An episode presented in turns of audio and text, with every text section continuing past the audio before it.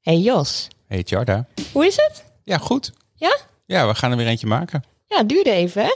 Ja, dat is ingewikkeldheid met gasten en zo, maar het komt allemaal goed. Hey eh, Jos, weet jij ook waar we het eh, over gaan hebben? Over ehm, circulaire economie. En wat doe jij zelf in de circulaire economie? Doe jij iets met circulariteit? Eh, niet bewust. Ik koop dingen in de supermarkt en Ja? dan als ik er klaar mee ben, dan gooi ik het weer weg. Is dat ook heel Nee, dat is niet circulair. Nee. Maar ik weet niet wat ze ermee doen met het afval, hè? dus misschien is het wel circu- circulair. Ja, onbewust dat je nog een bijdrage Ja. levert daaraan. Nou, ik heb dus van de week eh, wel iets gedaan met circulariteit. En dat was eigenlijk bewust voor het eerst. Want we hebben natuurlijk Startup Weekend gehad, het evenement. Ehm, voor de vaste luisteraars, jullie weten daar inmiddels alles van. Ehm, en daar hadden we een hele grote banner met alle logo's van alle sponsoren. Oh, dat is dat paspoorthoesje die ik nu ook heb. Ja, en Hmm. die banner gooien we altijd weg. Of die belandt in de kast. Ik denk dat ik er nog ergens vier, vijf heb liggen van eh, voorgaande edities. En we hebben ze nu aan Van Hully gegeven. En die hebben er deze, ja, ik heb het voor onze gasten ook omhoog. Maar die hebben er paspoorthoesjes van gemaakt. En die kan je kopen op onze merchandise eh, website. Nee, deze is voor alle coaches en juryleden en Oh, eh, mensen die wij nog moeten bedanken. Maar mijn punt was wel dat we hebben de banner, dat kost geld. Maar om hem weer circulair te verwerken kost ook geld. Dus er zit gewoon een heel groot verdienmodel achter. Dat klinkt heel goed. Nou, daar gaan we het vandaag onder andere over hebben. Zullen we starten? Ja, Tech, startups, business en Noord-Nederland. Welkom bij 20 voor 12 de podcast. Joshua Peper en Charda Polderman vragen hier experts het hemd van het lijf over zaken waar ze zelf niet zoveel van af weten. Dit keer hebben we het over. bouwen in en aan een circulaire economie. En dat eh, doen wij vandaag niet alleen. Wij hebben natuurlijk ook weer twee tafelgasten. Ik begin voor mij aan de linkerkant. Marleen van der Ziel. Goedenavond. Jij bent de eerste gast bij ons die zichzelf heeft uitgenodigd. Ja, nou, de Heel eerste die, die dan wel hè? aan tafel zit. Hè? er ja. zijn wel vaker mensen die zichzelf uitgenodigd hebben hoor.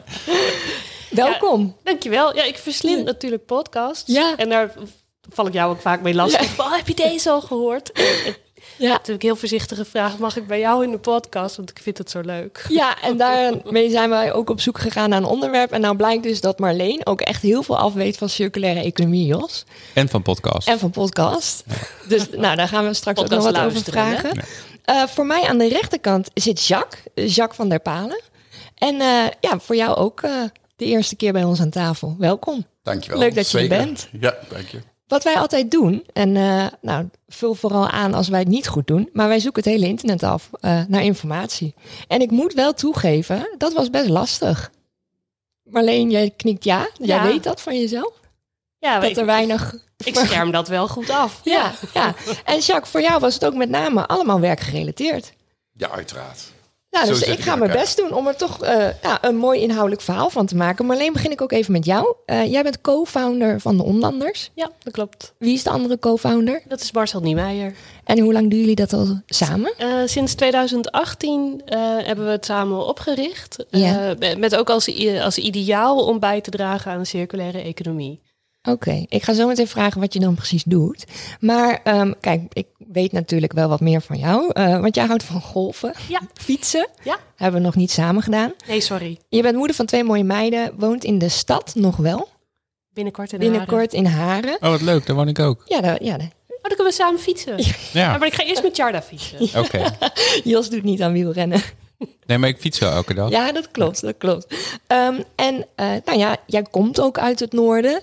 Ehm, hoe duurzaam of circulair ben je zelf eigenlijk? Want voor jou is het natuurlijk gewoon, ja, met de onlanders is het je werk. Maar hoe zit dat privé?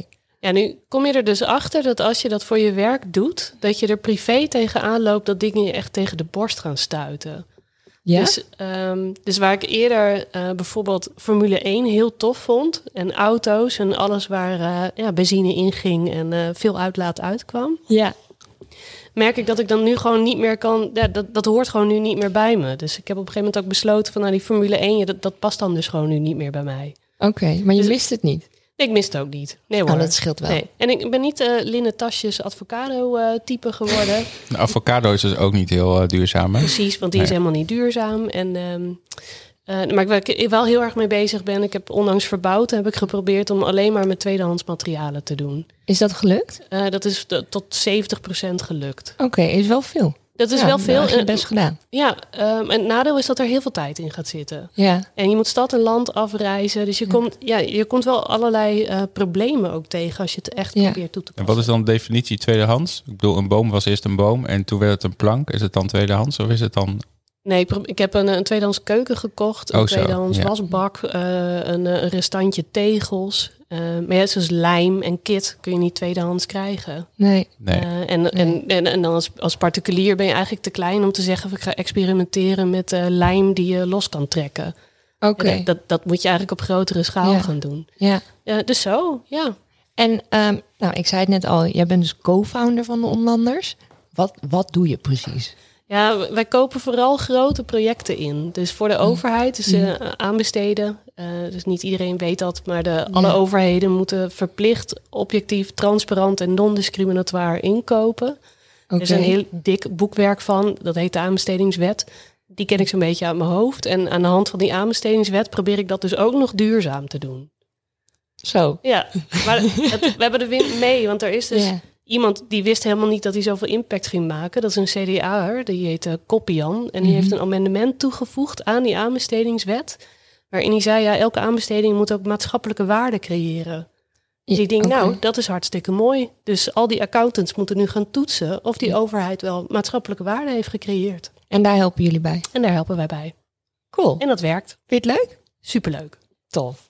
Gaan we even naar de overkant, want eh, daar zit Jacques.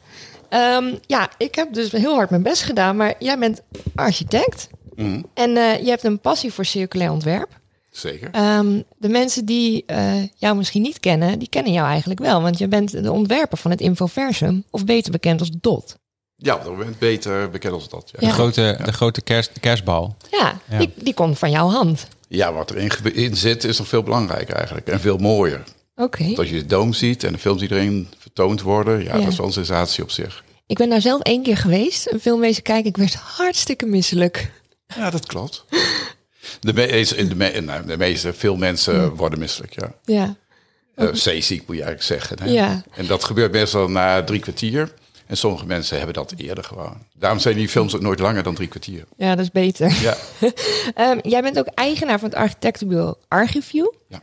En ehm, ja, je hebt, eh, je hebt dus een passie voor biobased en passief bouwen. Maar wat houdt dat precies in? Ehm, passief bouwen gaat heel simpel over ehm, de, de energievraag die er is. En de energievraag wil je zo laag mogelijk houden. Ja. En dat kun je heel goed doen met natuurlijke eh, wetten. En een van de belangrijkste wetten is de, de zon natuurlijk die er is en die schijnt. Ook in de winter schijnt die. En die gebruik je om energie op te wekken. En dat betekent dat je eigenlijk geen verwarming nodig hebt. En ook geen koeling. Dus jij bouwt huizen zonder verwarming. Ik bouw, ja, ik bouw huizen zonder verwarming. Maar in de dot zit dus geen keteltje. Om dat warm te houden. Nee, de dot, ten, e- ten eerste is de dot al een aantal jaren geleden. Ehm, ik hou maar... ik- nou, rond de dot ben ik daarmee begonnen eigenlijk met, met passief bouwen. Ehm, maar de dot is ook een tijdelijk gebouw, hè, dus dan praat je over andere zaken. En de dot is ook een heel bijzonder gebouw. Dus dan gaat het heel erg over hoe je met lucht, eh, lucht omgaat. En lucht verwarmen, maar ook goed, Mhm. goede ventilatie en dat soort dingen. En Ja, luchtstromen en dat soort zaken.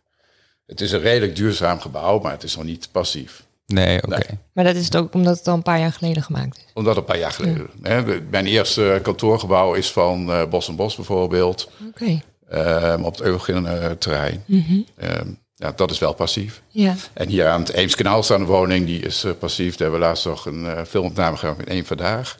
Die En video, eh, het, we hadden het er van tevoren even. Die ja. video heb ik van jou gezien. Nou ja, daar staat in. Ja. toen was het 36 graden buiten en binnen was het 21 graden. Weet je, en toen de Ja. mensen in de woning kwamen, toen was het min 15 buiten en 15 graden in de woning. En toen waren ze zelf niet in de woning. Oké. En wij zijn zelf allemaal kacheltjes, dus wij verwarmen gewoon de woning vanzelf op. En mensen ken, kunnen jou dus kennen als de architect van het Infoversum. Maar wat Ja. zijn nog meer projecten die jij hebt gedaan? Ehm Noor bijvoorbeeld, in Hoogkerk is van mij. Ja, dat is pas opgeleverd. Oh, dat is dat hele dure restaurant. Ja, Toch? dat is dat Ja, hele duur. Nou, het is een sterrenrestaurant. Ja, Ja. sterrenrestaurants Ja. zijn vaak... Oh, Daar gaat eten is ongeveer Ja. 300 euro. Is dat van... eh, Was dat van een andere sterrenrestaurant? Of Ja. die zijn? Zijn ja, van de zijn naar ja, die, eh, we hebben de loof een keer bij ons thuis gehad. dus eh, die kunnen goed koken. Ja. precies. oh, maar dat is ook van... eh, Dat is ook oh, van wat gaaf. Oh, wat ze vertelden er toen al over dat ze gingen verhuizen. Ja, Oh, en dat is net, net het is klaar. een vrij lang traject geweest, Ja. bij, met corona te maken ja. ja, het is net klaar. Oké. En zijn er dan projecten die voor jou nu op de planning staan... waar je gewoon heel veel zin in hebt? Dat je zegt, nou, dat zit er aan te komen.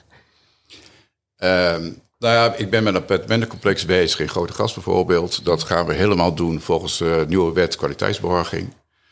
Ehm, en volledig passief. Dus dat vind ik wel, eh, wel leuk om te doen. En de Ja. aannemer vindt het heel spannend, want het is passief. En een van de dingen van passiviteit is, is dat je eigen kwaliteit moet bouwen. En het is heel raar dat wij in de bouw eigenlijk niet of geen kwaliteit kunnen bouwen. Dus hij is een beetje zenuwachtig van kan hij de details wel allemaal goed aansluiten en wat betekent dat dan voor die gebruikers allemaal? En Ja. kan ik daadwerkelijk met een heel klein warmtepompje die ik gebruik op mijn ventilatiesysteem, is dat dan voldoende? Dus daar zit hij heel erg mee. Ja, Maar ik vind het mooi dat we het project in groot gas kunnen maken, appartementen passief voor mensen. Ja. oké, gaaf. We gaan daar straks wat meer op in. Ja. Ehm, maar naast je werk, wat doe je graag eh, in je vrije tijd? Ook fietsen? Dan hebben we een fietsclubje met elkaar. eh. Ik ga niet racefietsen, hè? Oh ja. Nou ja, je hebt mijn fiets net gezien, hè? daar ga ik Ja. niet meer racen. Ehm, hè, mooi, mooie Brompton. Mm. Ehm, nee, naast mijn werk, eh, ik golf. Hè? Dat is iets wat Marleen en ik samen eh, hebben natuurlijk. Oh, leuk, ja. Ehm, en dat is ook wel een beetje mijn passie. Dus ik ben ook wel een streber wat dat betreft. Dus ik, doe Ik deed graag dat mee aan vroeger dus ook, hè? Ik zat Ja, ook dat vroeger ben op. jij? Nou jij ja, bent ermee in Glimmen. opgehouden. Ja, want ik had veel te druk. Ja. Maar waar eh, golf je? Assen. Assen. Oh ja. Ja, ja. Rode heeft ook een golfbaan. Ja, maar die is... ja dat die, klopt. ook. maar die is toch maar negen holes of zo? Die is Dat weet ik niet. Ik vind het heel indrukwekkend als ik er langs rijd. Oh, oké. het is daar altijd heel druk. Ehm, nee, En, hartstikke en ik leuk. hou van Ja. reizen en, Ja. eh, en architectuur. Dus ehm, ja, Ja, dat, dat gaat ga altijd ik wel natuurlijk goed. naar steden toe. Ja. Hè? Ja, Ja, samen, eh, nou ja, Barcelona ben je dan waarschijnlijk wel geweest. verschillende malen. Ja, oh wat leuk. Ja. Ehm, ja, en jullie zitten niks voor niks aan tafel, want we gaan het met jullie hebben over, nou, punt 1, circulaire economie. Ehm, maar punt 2 ook, ja, bouwen, eh, zoals je zei, passief bouwen, bouwen met duurzame materialen. Ehm, en dat is natuurlijk ook wel een topic die nu, ja, misschien meer dan daarvoor eh, op de agenda staat, want we hebben gewoon huistekort. Je, je zit al, ja, te- ja. Ja, ja we, hebben een, we hebben een huizentekort, we hebben ruimtetekort. eh, maar wat daar nog veel belangrijker in is, is dat we afstevenen op een grondstoffentekort. Ja. Dus eh, circulaire economie is een oplossing om dat grondstoffentekort ja, aan te vallen of aan te pakken. Dus misschien is het wel goed dat we eerst een, een, een uitleg ook geven over wat wij verstaan onder circulaire economie. Nou, wat ben je goed bezig met Marleen? Dat was mijn volgende vraag. Ik wou hem eigenlijk aan Jos vragen en dan jullie daarna het antwoord laten geven. Dat ga ik ook gewoon doen. Jos, wat vind jij verstaan onder circulaire Nou, economie? ik dacht altijd dat het, of de, ik denk nog steeds dat het eh, is dat als je iets koopt, dat het ook weer helemaal uit elkaar gehaald kan worden. eh, en dat je er weer iets anders van kan maken zonder dat je echt afval overhoudt. Dat is wat ik altijd dacht. Ehm, dus dat is, al, is, klopt het een beetje? Ik zie een beetje ja knikken links en rechts, maar Nou ja, het is, al- ik ben al heel blij dat je niet zegt het is recycling. Dus, eh, dat, dus ja, dat, het klopt. En ehm, wat je daarbij eigenlijk ook nog moet, moet kunnen zien, is dat je, je hebt een biologische cirkel en een technische cirkel. mhm. Dus je hebt biologische materialen en die wil je zoveel mogelijk in zo'n biologische cirkel houden. En je hebt technische materialen en die wil je zoveel mogelijk in een technische cirkel houden. En als je ze aan elkaar gaat plakken, dan heb je een, eh, een monsterlijke hybride. En dan kun je ze dus allebei niet meer hergebruiken. En wat is dan een voorbeeld daarvan van eh, twee van die verschillende cate- categorieën? Eh, Een veel gebruikt voorbeeld is eh, tapijt. Tapijt heb je bijvoorbeeld een natuurlijke bovenlaag en een, eh, een, ja, technische onderlaag. Op het moment dat je ze die op elkaar plakt, dan kun je hem eigenlijk alleen nog maar downcyclen. Dus je kan hem versnipperen en misschien kun je er iets, een vullingje Ja. van maken of zo. Ehm, maar dat kan niet als isolatiemateriaal gebruiken, want het is giftig. Dus dan adem je het in. Oh ja. Ja, dus, eh, dus als je nou voor zorgt dat die twee lagen, als je ze al aan elkaar moet plakken, dat je ze in elk geval weer van elkaar af kan halen. Oké, dus als je een- een cyclus kan Als je een houden. vloer hebt, een, een eh, eh, eh, hoe heet zo'n ding, zo'n plankenvloer. Een, eh, Laminaat? lam- Ja, als je dat hebt en dan met zo'n houten toplaag, dat zit vaak gewoon plastic onder of een plastic laagje overheen. Dat is dus niet goed. Nou, dat is eigenlijk al het begin van een monsterlijke hybride. Ja, Maar ik, ik weet niet hoe jij daar naar, naar kijkt, Jacques. Nee, ik ben het er wel mee eens eigenlijk wat dat betreft. Maar ik vind het, ik vind het belangrijker van hoe ga je dat organiseren? Want daar loop je gewoon tegenaan. Ja. En zeker in de bouw loop je er tegenaan. Omdat, kijk, als je praat over een stoel, hè, ik bedoel, dat Ja. is makkelijk om uit elkaar te halen en daar weer iets van te doen. Of een telefoon zou ook heel makkelijk kunnen zijn. zou kunnen. Het valt tegen. Het, het valt tegen, ehm, omdat de verdienmodellen die erachter zitten, de verkeerde verdienmodellen zijn gewoon. En ehm, zeg maar, als je praat over circulaire economie in de bouw, dan zul je meer stappen moeten maken. Ja. En dat betekent dat je ook veel meer met elkaar samen moet gaan werken. En dat is op dit moment heel moeilijk, omdat er allerlei schotten tussen zitten, ten eerste. En ten tweede, we hebben ook nog een mededingingsautoriteit die niet wil dat je met elkaar samenwerkt. Dat Dus- klinkt heel vaag. Ja, dat is En zo. tegenstrijdig. Ja, maar er zitten heel veel tegenstrijdige dingen. Hè? Ja. Dat, dat geldt ook voor de grondstoffen. Als je praat over grondstoffen. Als je een betonnen vloer hebt bijvoorbeeld en die, eh, die verbrokkel je. Ja. Ehm, hè, en die stukken die kun je weer gebruiken als grindvervanger. Maar op het moment dat je ze eh, ver- verbrijzelt, dan zijn het, eh, zijn het geen grondstoffen meer. Maar dan is het afval. Dus officieel moet je ze eerst van de bouwplaats afhalen. Dan mag je het eh, bestempelen als grondstoffen. En dan mag je het weer naar de bouwplaats brengen. Dus er is wet en Dus- regelgeving die dat... die daar onder Ja. andere verkeerd mee omgaat.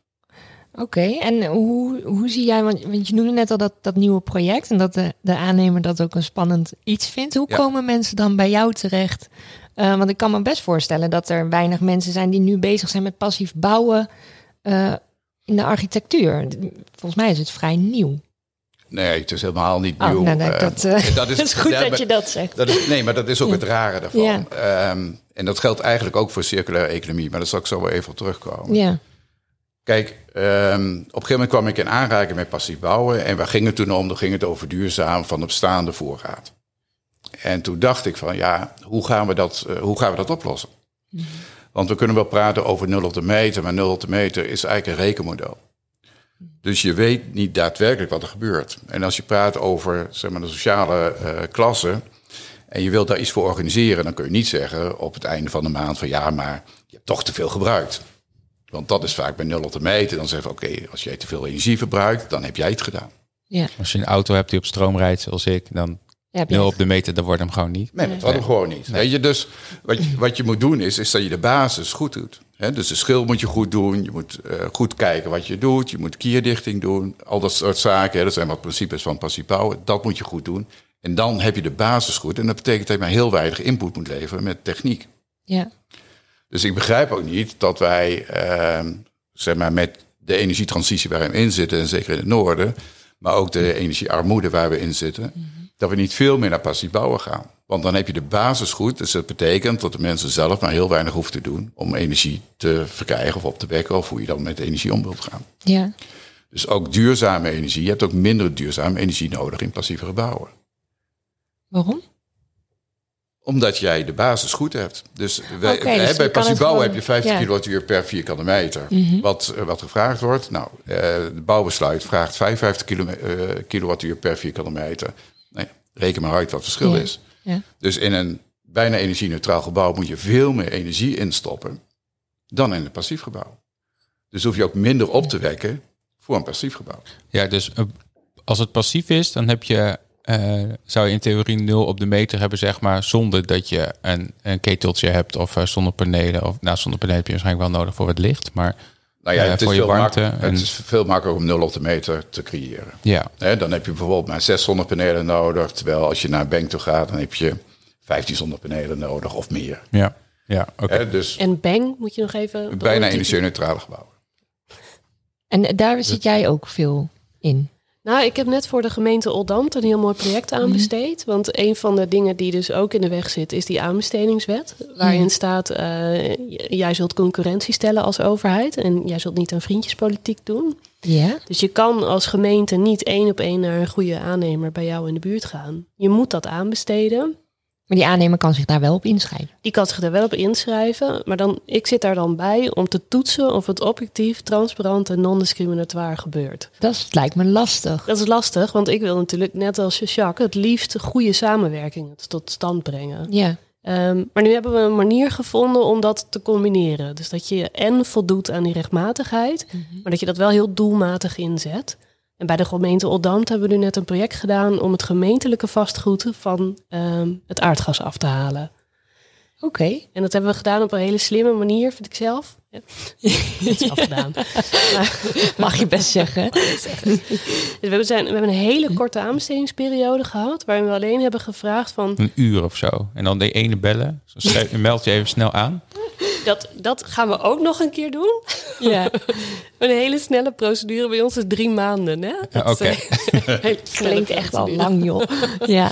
Ja, we hebben gevraagd, eh, ken- versta je je vak? Dus wat is je visie? Wat is je aanpak? Wat is je kunde? Dat is je vak. Ehm, zes A4'tjes ingeleverd. ehm, daarna interviews gedaan. En toen van de twee inschrijvers hebben we zes gegadigden, twee inschrijvers. En de beste hebben we daar eh, uit gekozen.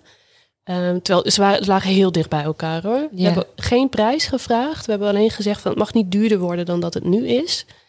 En, en in die context moeten aannemers hun eigen geld dus gaan verdienen. Oké. Maar in ruil daarvoor krijgt hij wel 30 jaar een contract. Dus hij mag 30 jaar doen over het terugverdienen. En in de eerste 10 jaar van het contract moet hij zorgen dat alle gebouwen van het aardgas afgaan. Of zoveel als mogelijk. Dus we hebben Ja. 30 heeft de gemeente zelf op de lijst gezet. In de regio nog 30 gebouwen erbij gezocht, zodat er volume is. Mhm. En nu gaan ze business cases maken om te kijken van ja, wat als ik nou hier wat doe en die en die. En dus twee winstgevende, één minder winstgevend. Heb ik een pakketje, maak ik een business case. En die mogen ze dan in 30 jaar terug gaan verdienen.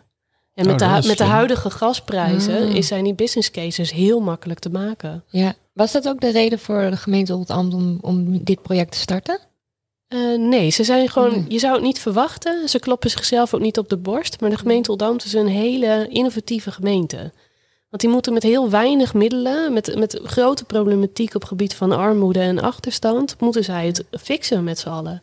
Ja. Dus ehm, zij doen dingen met zo weinig mogelijk mensen, zo weinig mogelijk geld, en zoveel mogelijk impact. Nou, dat is dus wel gelukt. Ja, dat is gelukt. Ja, tenminste, het contract is nu Ja. gesloten en de eerste Ja. business cases worden nu eh, geschreven. Ja. Oké. Ja, Dat is heel anders dan normale tenders inderdaad. Ja, het gaat vaak op prijs en dit. En Ja. we willen dit en we willen zo. En, Ja, ja, dus we hebben een partnerschap aanbesteed. hmm. Dus ik denk, ja, if you can't beat it, join it. Hè? Dus we Ja. kunnen die aanbestedingswetten kunnen daar niet omheen. Ik denk ook niet dat we terug moeten naar de tijd van de bouwfraude, hè, de vriendjespolitiek. Nee. Ehm, dus ik denk dat je ze moet, moet kunnen combineren. En ik denk dat Jacques daar ook zo in zit. Dat hij Mm. op zoek is naar hoe kan ik nou die regelgeving die er is... Ja. hoe kan ik er zo mee werken dat ik wel mijn projecten voor elkaar kan krijgen. Maar moet je dan, Jacques, niet gewoon de regelgeving veranderen? Ja. Of meer vrijstellingen geven voor Ja. initiatieven die je hebt. Ja. Wat is daarvoor nodig dan? Lef van de ambtenaren. Lef van de minister, denk ik ook. Oh wel. ja, dat is wel een moeilijke vraag. Dus dat is. eh, nou ja, maar weet je, je ehm, het probleem met circulaire economie is ook vaak eh, dat er gewezen wordt naar bijvoorbeeld naar de opdrachtgever. En als de opdrachtgever verandert, dan verander ik ook wel. Oké. Maar ehm, je moet eigenlijk vanuit jezelf veranderen. En eigenlijk de eerste vraag die je aan Marleen stelde: van wat doe jij eigenlijk aan duurzame Ja. eh, aan duurzaamheid? Ja, die zul je vanuit aan jezelf ook moeten stellen. En dan moet je zeggen van ja, hoe ga ik daarmee om? En ehm, als je dan praat over ehm, influencers, ja, eigenlijk zou je zelf de influencer moeten zijn van de circulaire economie. Ben jij dat? En- Vind je zelf? Ja, ik probeer dat wel te, te, te zijn. Ook met het bouwwaardemodel waar we mee bezig zijn, om dat eh, te promoten. En, maar dan zie je toch dat je tegen dingen aanloopt. Dus waar we nu mee bezig zijn, is ook dat bouwwaardemodel wat we hebben, wat eigenlijk een organisatiemodel is, toch weer vast te leggen in een NEN-norm. Ja. En de NEN wil dat zelf ook wel, maar dan meer als een overkoepeling van de NEN-normen. Om het toch ergens te borgen, anders dan krijg je het toch niet voor elkaar. Nee. Er zijn heel veel mensen die het wel willen, maar die weten niet goed hoe ze het moeten doen. En dat komt ook heel vaak omdat als je praat over organisaties, dan is het ook vaak top-down. Terwijl je veel meer moet gaan kijken van oké, ik heb een thema, bijvoorbeeld hoe wil ik impact maken? En dan ga je kijken van ja, wie heb ik nodig om die impact te maken? En zorg dan dat je de goede mensen bij je eh, hebt en dan kun je stappen maken. En een goede, goed voorbeeld waar ik dan nou ja, vrij dichtbij gezeten heb, dat is bij, eh, bijvoorbeeld bij, met VWI, dat is een kanaalplaatvloerenfabrikant. Oké. En die zegt van... Wat is, eh, wat is dat? Een knauwplaat, dat is een betonnen vloer die wij eigenlijk allemaal kennen in de woningen. Hè, die aan het plafond, als je dan ziet, het allemaal van die streepjes. Dat zijn dan knauwplaten. die Oh ja, Oh ja, elkaar ja, liggen. die dingen, ja. ja. Ja. En ehm, ehm, wat, wat gebeurt er met zo'n plaat is, is dat daar, zeg maar, er komt een, een laag overheen, een druklaag overheen. En die verbindt eigenlijk al die plaatjes aan elkaar. Maar dat is heel veel CO2-uitstoot. Dus dat is één. Dus dat Om dat ik- laagje erop te krijgen, dat kost heel veel CO2. uitstoot. En hoe, Ja. hoe komt dat dan? door de cement die erin zit en alle andere vulstoffen die er, eh, die er zijn. Maar dat, dat vind ik dan minder interessant. Maar wa- waardoor je krijgt, dan krijg je één plaat, dan krijg je dus nooit meer uit elkaar. Dus die mensen zeggen na gaan denken, hoe kun je nou toch verbindingen maken zonder dat ik die druklaag nodig heb. Nou, dat is gelukt. Ehm, en de volgende stap is van ja, hoe ga je dat dan zeg maar, vermarkten? Of hoe ga je dat naar de we- wereld brengen? Dus ze hebben een pilot gedaan. En het mooie is van toen ze die pilot gedaan hebben, dat betekent dat je met andere mensen moet gaan overleggen. Want ik heb nu een andere plaat, dus dat zal anders reageren. En hoe ga je daarmee om? En dat blijkt dus dat, ja, dat ze doordat ze met die plaat bezig zijn en keer aan het bouwen zijn, in plaats van betonplaten eruit eh, Ja. spugen, zeg maar, eh, gaan ze in één keer in gesprek met ook met de, wan, met de wandenboer. En met andere mensen die bezig zijn om zo'n gebouw neer te zetten. Kijk, Ja. en dan begin je over circulaire economie te praten. Want dan ben je met elkaar op gelijkwaardig niveau aan het praten. En dan praat je over kwaliteit. ja. En niet in eerste instantie over, over geld, want dat is het grote probleem. Ja, ja. Ja, en je gaat ook praten niet meer over producten, maar over functie van het product. Hè? En dat is, Interessant. ja, dus dat klinkt misschien wat filosofisch, maar eh, je kan eh, eh, platen verkopen, zoals Jacques net zegt. Maar je kan ook een plafond verkopen voor een woning. En, want een plafond in een woning heeft een andere, die heeft pas functie als hij daarin ligt. Ja. Maar ik zie jou wat glazig kijken. Nou ja, ik zit even over na te denken van eh, eh, zo'n bouwer die gaat natuurlijk zo'n zo'n huis. eh, jij, jij gaat het dan eh, eh, tekenen, denk ik, Jacques. Zo gaat het volgens mij nog steeds. En dan gaat zo'n aannemer, die gaat alle onderdelen een beetje bij elkaar sprokkelen. En die maakt dan een prijsje voor en die zet het dan in elkaar. Ehm, en die dus dat koopt is, niet standaard een heel plaf, plaf, plaf, plafond of een vloer in, toch? Maar dat, dat is dus Ja. inderdaad wat er moet veranderen. Mhm. Want dat, zo, we zitten eigenlijk als een, als een treintje achter elkaar. Hè?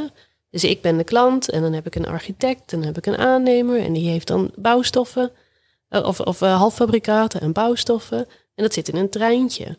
Maar het is veel beter eigenlijk om het als een soort spinnenwebje te organiseren. Want waarom zou ik kanaalplaten bij VBI kopen en niet bij, bij Dicor?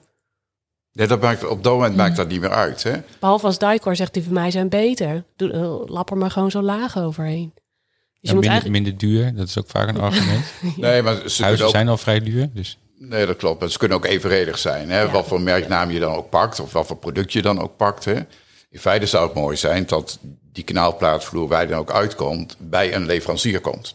Ja, Hè, want die kan die weer met de virgin materialen en de secundaire materialen gelijkwaardig eh, verkopen. Want dat maakt dan niet meer uit. Nee. En dat kan nu niet, want nu moet je al die betonplaten eruit zagen. ja. Dus daar kun je niet zo heel veel mee. Ja, dat moet je ach- achteraf doen. Maar stel, ik laat een, ik laat een, een pandje bouwen eh, of, eh, om in te wonen. Of nou, maakt niet uit wat voor functie. Ik denk er dan nog niet per se over na van over 100 jaar moet dit pandje weer, weer uit, uit, uit, eh, el- elkaar. Dan ben ik al dood, denk ik. Eh, en wat, wat, wat maakt mij dat dan nog uit dat die, dat, dat dan moeilijk uit elkaar gaat? Ik het huis is iets waard. Of eh, als, hij nog, als het nog een huis is en als je hem uit elkaar haalt, ja, dan kost dat vooral geld. ja, en dat is denk ik een van de problemen. Nou, nee, dat, is, eh, dat, dat hoeft helemaal niet dat het geld kost. Waarom zou het geld kosten? Nou, ik zie dat wel eens bij ons in de buurt. Dat is zo'n oud huis en eh, mensen doen dan een jaar of dertig geen onderhoud. Ja, en dan moet hij tegen de, tegen de vlakte. Nou, en dan zitten vaak van die mooie oude bakstenen eh, omheen. En die zijn nog iets waard, omdat die kan je nergens meer krijgen.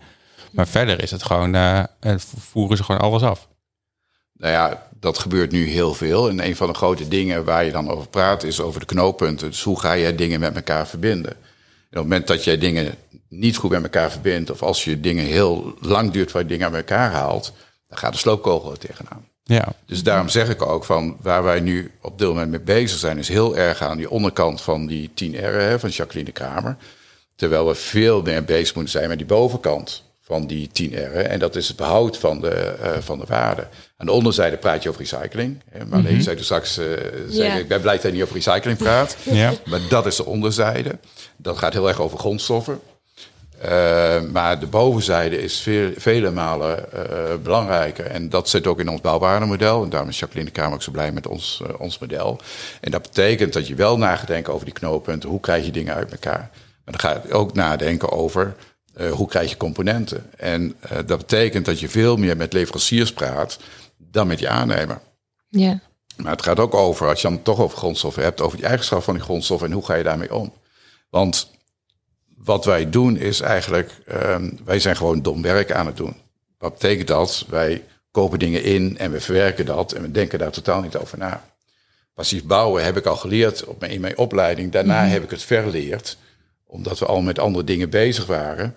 En nu ben ik er weer mee bezig. Als je praat over circulaire economie, hebben wij in de 70 jaren eh, IFD gehad, dat is demontabel bouwen. Oh, daar heb ik nog een filmpje van gevonden, inderdaad. Ja, van het eh Polygoon journa- journa- journaal. Dat ze een of ander ziekenhuis gingen bouwen met allemaal van die standaard componenten. Exact. Ja. En we zijn daarna zijn we het weer vergeten of we hebben Ja. er geen zin in of we zeggen van het is te duur. Maar de dingen leken wel wat. allemaal heel erg als twee, twee druppels water op elkaar. Alles wat je daarmee maakt. Ik kon het wel duidelijk zien. Ja, maar dat hoeft natuurlijk Ja, niet. dat hoeft natuurlijk niet, maar dat was bij die wel zo. Ja.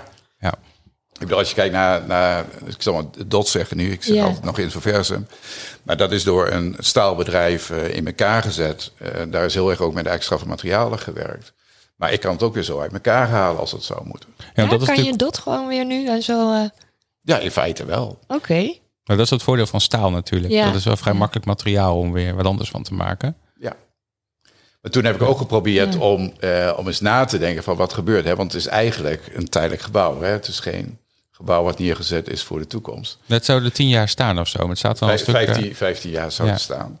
Maar toen heb ik daar met de opdrachtgever wel over gesproken. De opdrachtgever, ja, ik ga niet praten over slopen, want we zijn nu aan het ontwerpen. Ja. ja, dat is Weet heel je? raar. En, en dat was in die tijd zeker raar, maar tegenwoordig zou je daar veel meer over na moeten denken. Kijk, waar ik net had over die, ehm, over die kanaalplaatvloer.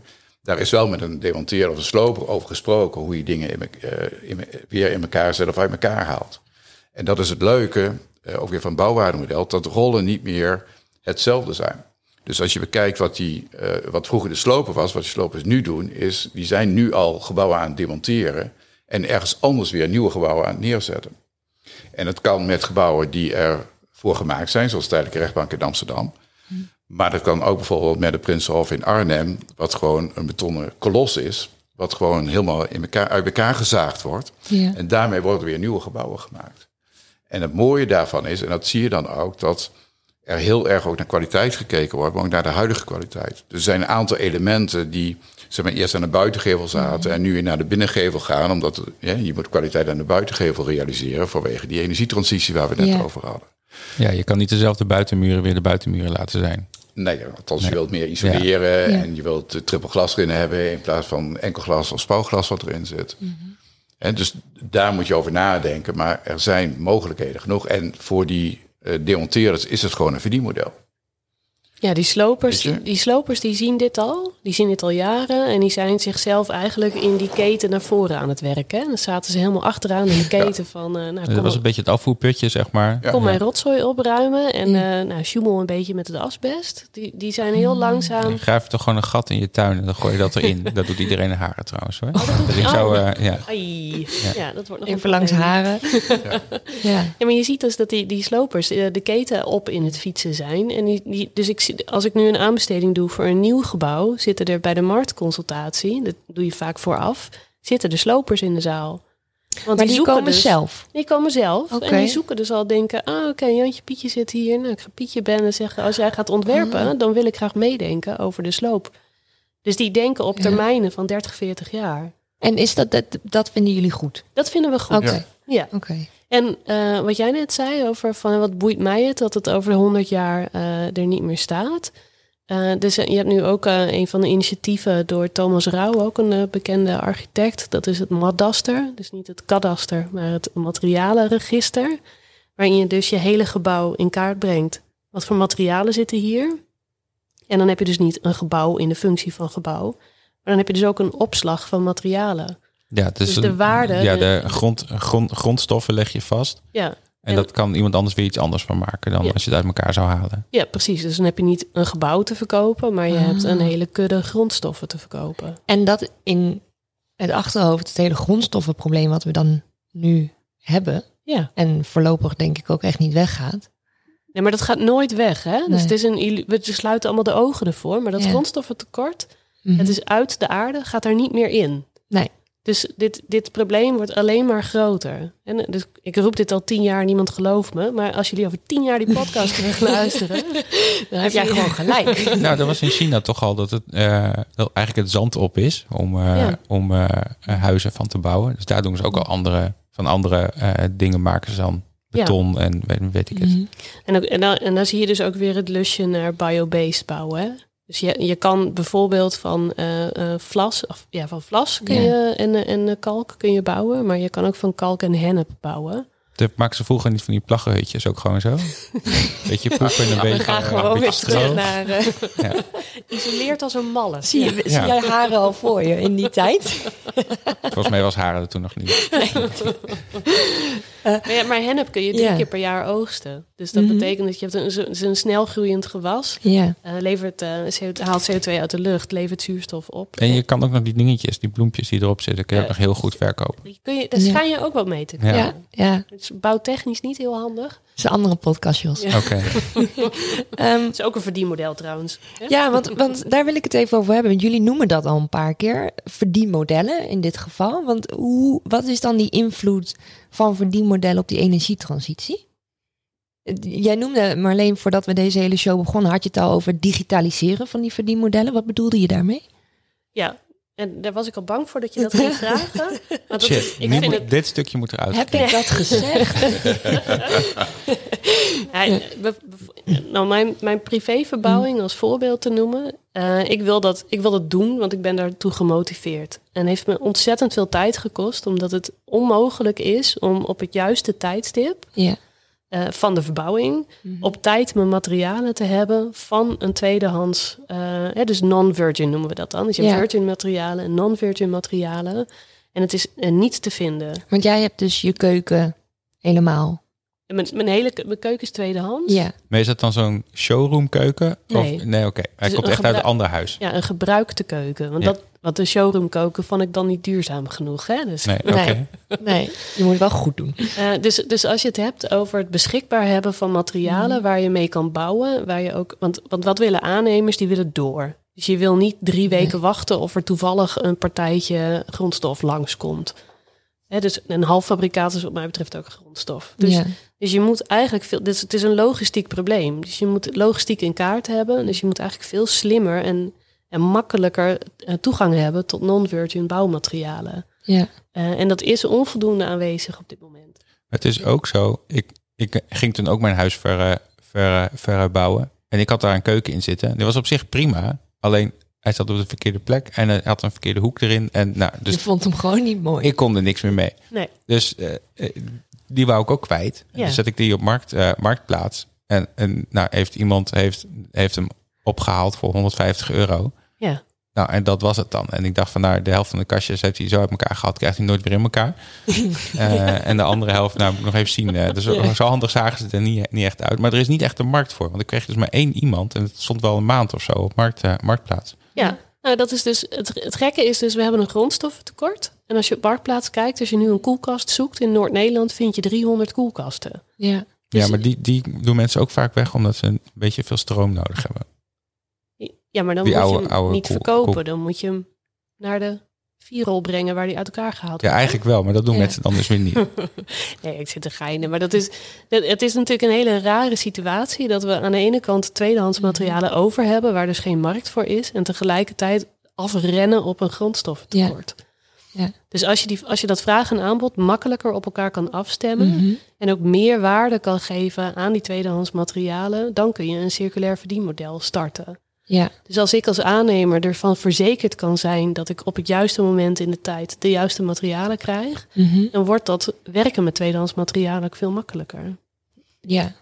En, en Jacques, jij ontwerpt dan met name. Hoe, eh, hou jij ook in dit soort gevallen daar dan rekening mee wat voor materiaal er gebruikt moet worden? En vindt de aannemer jou dan heel vervelend?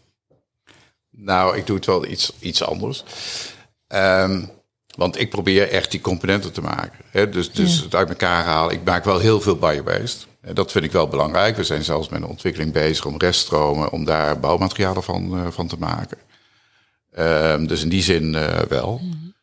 Ehm, maar ik vind, ik vind de, de, ik, ik oriënteer mij heel erg op die buitenschil, waar ik straks al zei, omdat het Ja. met passief bouwen te maken heeft. Hè. De, de energietransitie en circulaire economie, dat moet je wel los van elkaar zien. Hè. Je vroeg net over de energie en, en circulaire economie, maar ehm, voor mij is circulaire economie heel, heel erg het organisatiemodel. Ja, Wat je daarmee eh, mee kan. En daarbij moet je kennis delen gewoon. ja. Dus eh, ja, enerzijds gebruik ik heel veel voor die energietransitie. En ik probeer ook voor die circulaire economie dus dingen weer uit elkaar te kunnen halen later. Dus wat dat betreft klopt dat ja. Oké, en eh, dan begrijp ik goed dat, ehm, stel jij, jij ontwerpt een huis. Je houdt er dus al in je ontwerp rekening mee dat datzelfde huis weer uit elkaar gehaald gaat worden. Daar wat mogelijk is, is dat zo. Maar je, Ja. je kunt dat nog niet altijd voor elkaar krijgen. Nee. Maar als het mogelijk is, dan, dan doe ik dat wel. En als er dan En bijvoorbeeld vind- iets van een trap of deuren of dat soort dingen in moeten, want dat zie je wel vaak bij die slopers allemaal wel staan. Is dat dan waar je dan een beetje gaat rond, rond, rondstruinen om te kijken wat ertussen staat? Van nou, dan teken ik die trap erin of... Nee, maar dat is, dat is, dat is veel complexer als jij. ehm, ehm, want je moet ook naar de kwaliteit kijken en naar de veiligheid kijken. Mhm. Weet je, en een trap is wel een veiligheidsaspect. Dus Ja. daar moet je wel naar kijken van wat wel of wat niet mogelijk is daarin. Ja, oké. En deuren en dat soort dingen? Want deuren zijn wel heel, heel populair. Hè? Dat mensen een nieuwbouwwoning hebben en dan gaan ze op zoek naar oude deuren, dat omdat mooi, dat dan ja. authentieker is. Maar Ja, nou ja, dat zou, dat zou kunnen, ja. Maar ik ben er meer van als... als, als- hè, ik, ik vind dat, dat we de componenten ook bij de leverancier eigenlijk moeten, moeten houden. Ja, een van de dingen van Madaster, waar jij net over had... maar dat is natuurlijk hartstikke goed. Maar het grote probleem is, is dat je praat over kubus grondstoffen... of vierkante meters grondstoffen of wat dan ook. Maar je weet dan niet wat voor kwaliteit je hebt. En dat is vaak het probleem. Want je, jij bent de bouw ook met veiligheid en met kwaliteit te maken. En vooral met veiligheid is wel een dingetje Ja. Ja, de brandwerendheid van deuren. brandwerendheid en, en, en dat soort aspecten. Dus ehm, ja en nee. Dus je probeert de mengelmoes daarvan te, te maken op dit moment. Maar je probeert wel te enthousiasmeren dat we verder daarmee kunnen. Ja.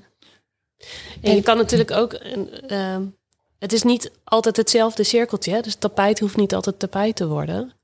Ehm, je kan ook zeggen, nou, ik heb een deur en die deur die voldoet nu niet meer aan het bouwbesluit. Dus ik zoek eh, een, iemand die die deuren gaat afnemen en daar iets anders van gaat maken. Er een tafel van. Die maakt er een tafel van. Dus een beetje downcycling Ja. misschien. Hè? Eh, nou, wij doen het met kerst wel eens hoor. Dan houden we een deur eruit en twee van die schagen eronder. en dan hebben we weer een extra tafel. Dat werkt prima. Ja, dat, dat Ja. klopt. Dat deden wij. En dan hadden we een brievenbus en dan hadden we een vuilniszak onder. Dan kon de afval daar. Oh, dat is slim. Oh, dat ga ik ook doen. Ja. Ja. En, en maar Jacques, jij, jij had ook al, eh, want Marlene daar mag je natuurlijk zeker op aanhaken, het betonakkoord. Daar heb ik zelf nog nooit eerder van gehoord. En je hebt het in diezelfde naam, heb je het ook over het bouwwaardemodel. En die heb je nu al twee keer genoemd. En ik denk dat voor onze luisteraars misschien nog wel even goed is. Daar was het filmpje van, hè? Ja, ik Ja? heb Jos huiswerk gegeven, dat hij dat, dat moest kijken. Ehm, maar jij bent daar ook de, de, ja, mag ik de regisseur zeggen? Is dat... eh, Ja, ik was regisseur Ja. van het uitvoeringsteam Circulair Ontwerpen van Ja. het betonakkoord. Ik ben er eigenlijk ingerold ehm, vanuit Groningen, waarbij eh, de gemeente zei van eh, er is een recycler bij me gekomen. Hè, maar alleen zei het al van en de start zit vaak bij de recyclers en slopers en niet bij de, bij de bouwers. Ehm, van ja, eh, ik heb hier heel berg met eh betongranulaat zitten. En eigenlijk moet dat in beton, maar het komt niet in beton. Het gaat onder de wegen. En eh, kun jij eens kijken hoe, hoe dat komt? En toen dacht ik van, nou, hoe moet het anders zijn? Eh, in mijn bestek staat 20% betongranulaat, maar eh, controleren doe ik het niet. Nou, dat was juist het probleem, dat ik het niet controleerde. Of niemand controleerde het eigenlijk. Dus dat betongranulaat kwam er nooit in. Wat is dat precies? Betongranulaat zijn stukken of brokken beton die als grindvervanger in beton doet. Oh ja, oké. In plaats van het grind. Ja. In plaats van het grind. Nou, zo ben ik in beton. eh, ak- toen heb ik daar wat over gedaan. We hebben daar hier een, een cirkel van gemaakt. Waardoor het op een gegeven moment mijn ijzervoorraad wel organiseerde. kwam in Trouw terecht, kwam bij NVO Nederland terecht. Oké. En ehm, toen ben ik gevraagd voor het betonakkoord. En toen hebben ze mij gevraagd voor uiteindelijk voor een regisseur circulair ontwerp. Ja. En ehm, nou ja, dat betonakkoord, dat gaat allemaal over technieken en dat soort dingen. En ehm, er stonden vier regeltjes in over circulaire economie in het betonakkoord. En die vier regeltjes, nou ja, dat gaf mij een aanleiding om met een aantal slimme mensen die met elkaar willen debatteren en, en, en verder willen zoeken, eh, te kijken of dat we het ook daadwerkelijk voor elkaar zouden kunnen krijgen. Ja. Nou, en daaruit is het uh, bouwwaardemodel ontwikkeld. Bouwwaarde geeft over waardevermeerdering, daar gaat het in feite om. Ja. Maar wat het mooie is van het bouwwaardemodel, is dat je in feite bovenaan een piramide. Je kunt ook wel die piramide van het groene bijen uh, pakken, dat, daar is van afgeleid. Alleen wat bij ons belangrijk is, is aan de bovenzijde zit de opdrachtgever, of de beheerder van het gebouw, of de gebouweigenaar. En dat is eigenlijk waar je het voor doet. Ja. En dan zeg je van ja, je doet het voor de opdrachtgever, maar je doet het eigenlijk voor de periode dat het gebouw staat. Ja. En hoe zorg je nou dat het gebouw goed en duurzaam en circulair is en ook nog zo lang blijft staan? Ja. En want dat is, dat is hetzelfde wat je straks zei met onderhoud en dat soort dingen. Ja, als je niet de waarde ziet van het gebouw zelf, dan ga je het ook nooit onderhouden. Nee. Dus, dus dat betekent dat je daarop vooruit moet, uh, moet werken. Nou, aan de onderkant van die piramide die we hebben, daar zit dan de grondstoffen. En de bovenkant gaat dan componenten. En dan zie je aan de, de linkerzijde dat je meer naar het ontwerpsessie gaat. Maar dat begint al bij zeg maar, de grondstoffen duurzaam toepassen, et cetera. Gebruik maar van de eigenschap van materialen. Hoewel daar ook een groot verdienmodel in zit. En dan ga je naar boven toe stappen, naar de leverancier toe, naar de architect toe, adviseurs toe, bouwers toe. En dan naar boven naar de, um, naar de uh, opdrachtgever toe, beheerder van het gebouw. En aan de rechterzijde ga je eigenlijk weer naar beneden toe. Hè. En dan zeg je dat het waardevermindering is. Maar eigenlijk is dat niet meer zo, als je het goed beschouwt. En daar ga je dan heen naar de beheerder, de asset manager, projectleider, slopers, recyclers. En op een gegeven moment komt het weer terug bij de, bij de grondstoffen. Oké. Okay. Maar daartussen zitten ook weer allemaal lijntjes. Want ja. die componenten die daar zitten, ja, die moet je eigenlijk weer doorsteken naar de andere kant toe. Waar de bouwer het weer op kan pakken om in nieuwe gebouwen neer te zetten. Dus dat, dit circulaire. Dat circulaire. Ja, ja. En dan zie je dus ook dat de slopers daardoor ook weer naar de linkerzijde komt als bouwer. Ja. En de rollen gaan dus, worden in feite gespiegeld. Dus de oude rollen die we hadden, die bestaan dan niet meer. En dat is erg, erg interessant. Wordt er al met dat model gewerkt? Ja, er zijn wat gemeentes zijn daarmee bezig. Okay. Uh, er zijn een aantal mensen bij Rijkswaterstaat die er graag uh, ja. uh, stappen wil, mee wil maken. Ehm, we hebben dat. Nou ja, we zijn nu aan het promoten bij de NEN. Dat, of de NEN wil het eigenlijk overnemen. Hè, dus dan, dan zie je het al. En er zijn nou ja, CB23, maar goed, dat zijn allerlei platforms waar niet iedereen wat van, van af weet. Maar ja. daar wordt het wel, uh, wel besproken en, uh, en behandeld. Ja. En het grappige is, ik ben een aantal weken geleden naar Lausanne geweest. Daar hadden wij een conferentie met 45 mensen die nadachten over hoe ga je nou met duurzaamheid in, hè, over de hele wereld om.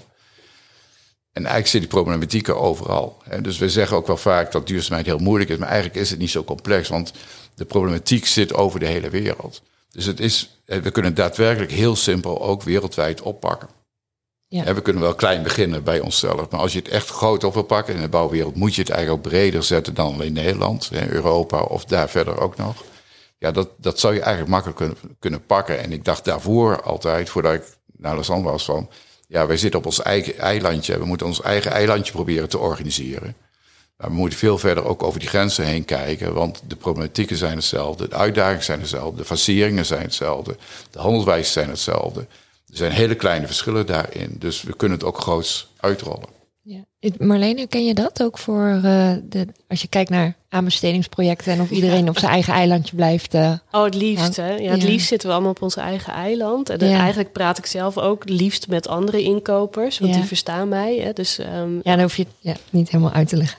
nee, maar die verstaan me ook niet qua duurzaamheid, maar wel qua aanbestedingswet. Hè? Dus, Ja. eh, dus ja, toen ik hier tien jaar geleden mee begon, toen zat ik heel erg op de technische oplossingen. Dus nou, jullie zijn van de tech. Ja. Dus je, ik kan me ook voorstellen dat je denkt van oké, nou, ik heb nu bakstenen, maar dan wil ik dus iets anders dan bakstenen. En dan ga ik precies hetzelfde doen met die bakstenen en dan ben ik duurzaam. Ja, dat, dat- Ja, dat je denkt, nou, ik, wil, ik, ik heb een auto, ik wil nu een duurzame auto en dan ben ik duurzaam. Dus, Ja. dus, dus je, maar de, de praktijk leert dat het dus één op één vervangen, dat Mhm. kan niet. Het, gaat, het wordt of duurder, of het, kost, eh, of het is minder kwalitatief, eh, kwalitatief minder, ja, eh, of het kost meer tijd. Ja. Dus een van die drie componenten moet je loslaten om echt naar duurzaamheid toe te gaan.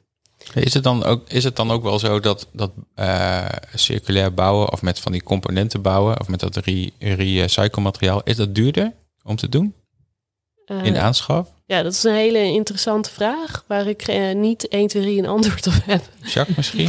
Is dat, is dat heel veel duurder? Nou, Nee, ik, ik denk dat het nu ehm, zeg maar, gelijkwaardig is. ja. Ehm, en het verdienmodel komt vanzelf wel. Maar waarom doet niet Maar- iedereen dat dan? Ja, maar je moet kijken Oh, naar de is- functionaliteit. Dus je moet. Het, het gekke is, ik ben natuurlijk inkoper. Wij vergelijken niet de juiste prijzen met elkaar. Dus voor een privévoorbeeld, Ja. eh, met de trein naar Barcelona of met het vliegtuig naar Barcelona. eh, dan zegt iedereen, ja, maar de trein duurt veel langer. Maar we- van de trein re- redeneren we van station tot station. Ja, en met het ja. vliegen redeneren we van vliegveld naar vliegveld. Nou, ik niet hoor. Maar de reisdag, Oh ja, ik wel. ja, de meeste mensen Ik toch? ben al zo lang bezig met helemaal tegenwoordig op Schiphol trouwens. Maar, Ja. oké. Maar de reisdag Ja. van, zou je eigenlijk in beide gevallen van deur tot deur moeten berekenen. En dan is het verschil maar twee uur. Ja. Nou, dit, dit gok ik even hoor, maar Ja, ik denk ja. dat het verschil eh, twee, drie uur is. En dan vraag soms jij... sneller. Eh, soms, ja, naar Parijs is het zeker sneller. En een München ook. En Ja. naar Lausanne was het ook sneller. Ja, dus, dus we, we vergelijken de dingen. Dus jij vraagt, daarom zeg ik, het is geen eenduidig antwoord. Nee, maar vraagt, bedoel- is het duurder of goedkoper? Ik bedoel een heel, heel huis. Dus de ja. functie van woning, om het zo maar even te zeggen. Als ik, als ik een heel... eh, eh, stel, we gaan een, eh, we gaan een, eh, een, eh, een blok huizen bouwen van vijf eh, woningen op een rij.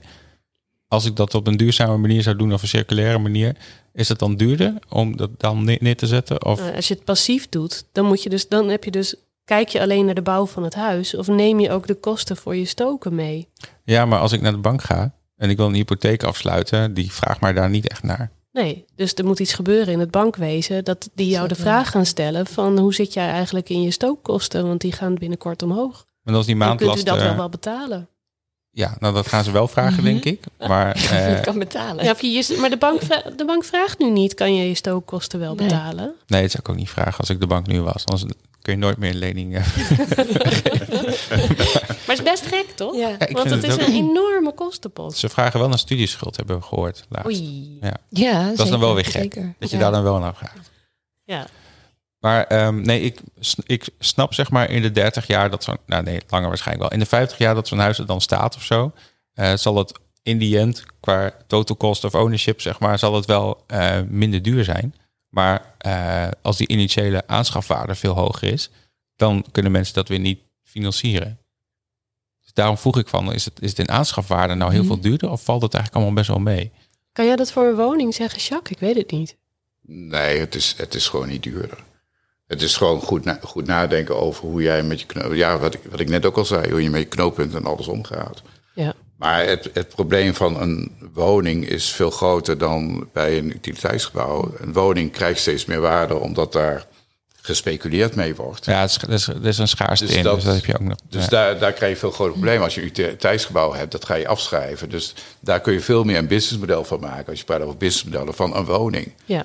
Want in feite zou je de woning moeten eh, opdelen in de woning waar de grondstoffen in zitten.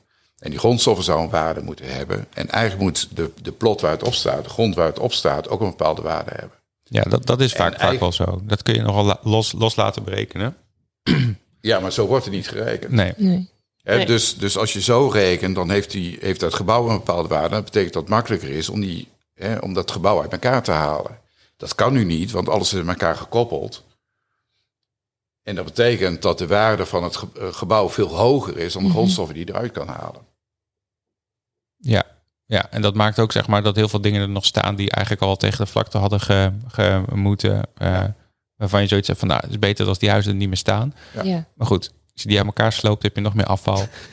En dan moet er Ja. weer opnieuw staan. Ja, ja, dat, dat- weer een dat- gat in de tuin in Haren graven om dat asbest te asbest verbergen. gooien. Dat zit straks allemaal bij jou in de achtertuin. Ja. Maar eigenlijk, hè, als, je, als je zo over nadenkt, dan moet je ook verder gaan denken. En dan moet je zeggen van, we moeten veel adaptiever bouwen. En adapti- adaptiviteit pra- eh, bedoel je mee dat je eigenlijk een gebouw moet maken... dat, ehm, dat pas gesloopt gaat worden als een functie vervalt. Ja. Dus ook dat jij het, hè, van hetzelfde gebouw kan wonen of een kantoor in kan zetten of een winkel in kan zetten. Ja, of zoals de mediacentrale waar we letterlijk nu zitten. Exact. Hè, dit is eigenlijk Ja. een uniek verhaal over circulaire economie. Ja, hij was Dat- niet zo heel lang open hè, als, eh, als, met zijn originele functie. Maar een jaar of twintig of zo. Ja, Heel kort. Nee, maar dat maakt Ja, niet uit. Je hebt, Ja. je hebt een gebouw neergezet ja, Mhm. waar je weer andere functies in kan zetten. Ik bedoel, Ja. je had hier ook appartementen kunnen Ja. zetten. Dat gaan ze hierachter doen. ja. Ja. ja, Eh, het dus- gebouw dus-. Dus dat is de hoogste eh, waarde van circulariteit. Als je praat over. Nee, als je praat over circulariteit, is dat de hoogste waarde. En want we hebben nu dus ook een padelbaan hier binnen. En dat is gekomen in de coronatijd, omdat nou, niemand meer naar kantoor ging. Dus ze moesten hier wel iets doen. Ja, Dus dan verhoog je ook wel weer de waarde, toch, van het pand? ja precies. Ah, ik heb hem door. Maar ik begrijp ook wel dat wij zitten hier al heel lang in. En wij Ja. vinden dit, deze, we hebben deze filosofische stapjes allemaal langzaam door de tijd genomen. Ja. Hè?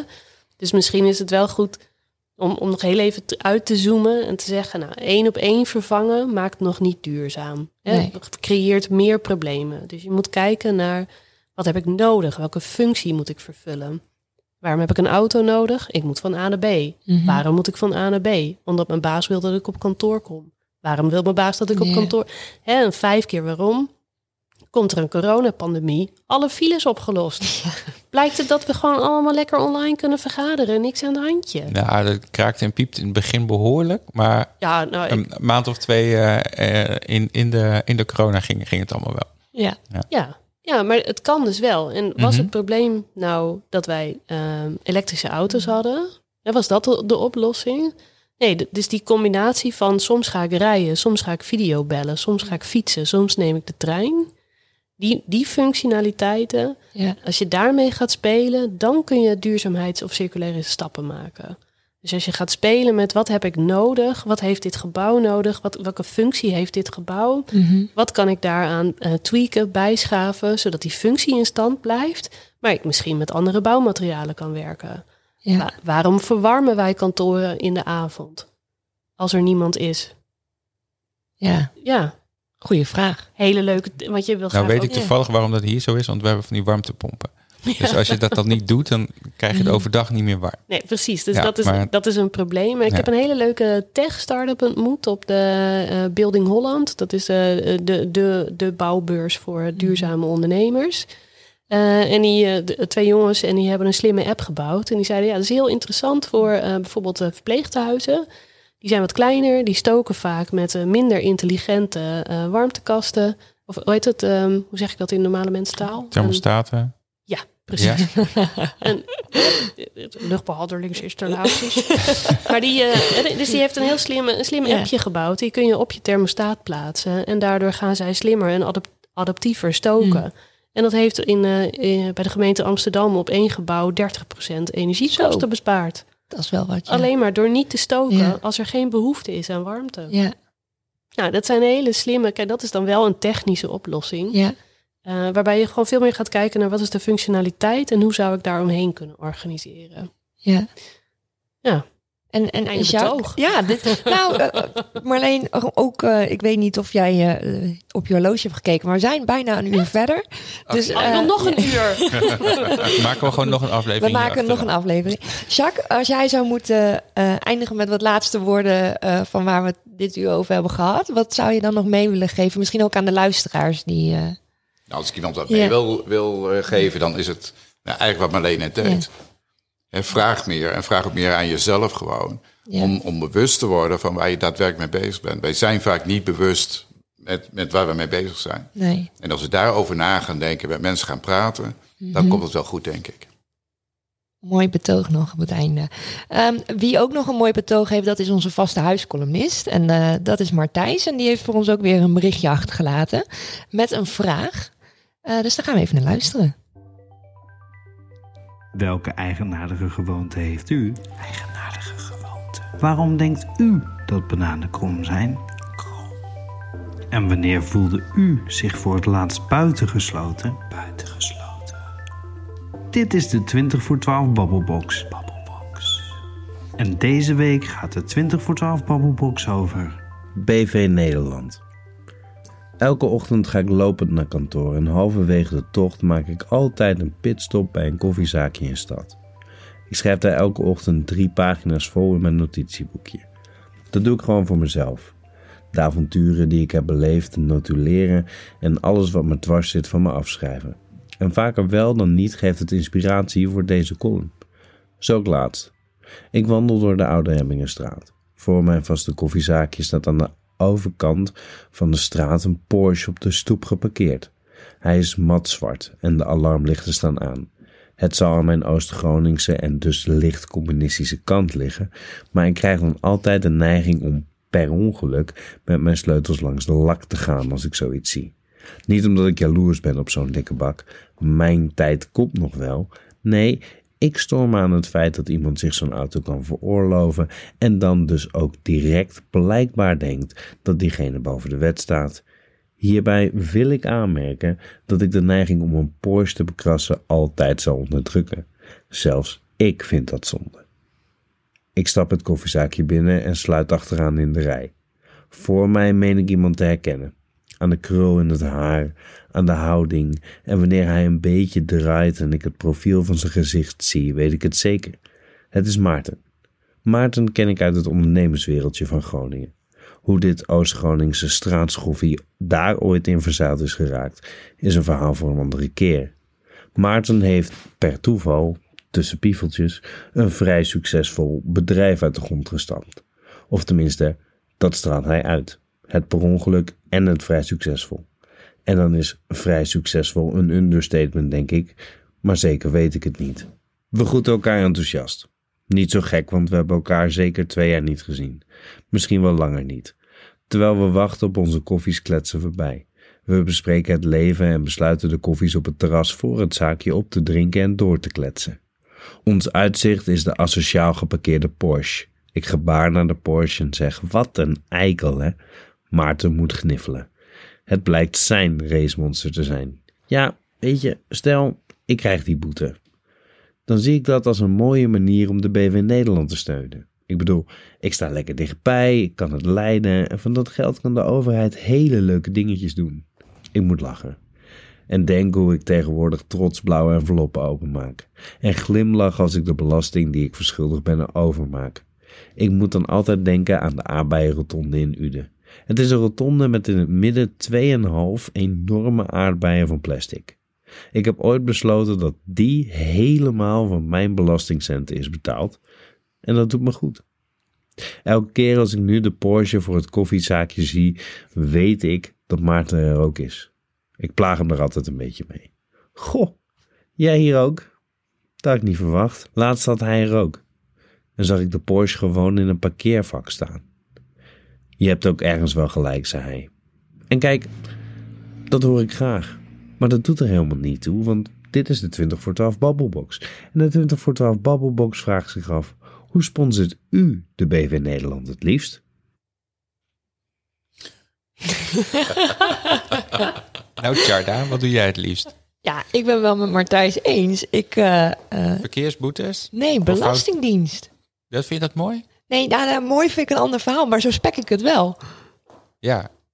Ja, erg is dat. Ja. hè? Sinds dat jij eh zoontjes hebt, denk ik, heb je al aardig wat belasting betaald. Ja, ik schik er elke keer gewoon echt helemaal, helemaal rot. Dat, Het nou ja, nooit, Zorgs hoor. bestaat anderhalf jaar. En als ik zie wat er naar de Belastingdienst gaat... en, en wat mijn accountant dan zegt... wat binnenkort weer wordt afgeschreven... denk ik, ja, hoe dan? Er zijn heel wat eh, bijstandmoeders blij met jou, denk ik. Nou, ik zei laatst tegen haar... ik, denk dat je mijn winst hoog hebt ingeschat. Die moet naar beneden. Zegt ze, nee hoor, dit klopt echt. Kut. Ja. ja, dus eh, nee, ja, dat staat mij wel nu het meest bij... van hoe ik dan de BV Nederland eh, spek. Hoe doe jij dat dan? Ik vind eh accijns vind ik het mooiste. Ja, Want dat zet altijd op dingen wat eigenlijk heel erg leuk is. Dus eh, zoals alcohol en Ja. eh, ja, benzine zit het niet meer op. Dus dat is dan, dat was vroeger. ja. Maar en dat vind ik ook niet zo heel, heel erg leuk meer. Maar nee, daarom heb jij een elektrische auto. ja, en een, gewoon een fiets. Ja.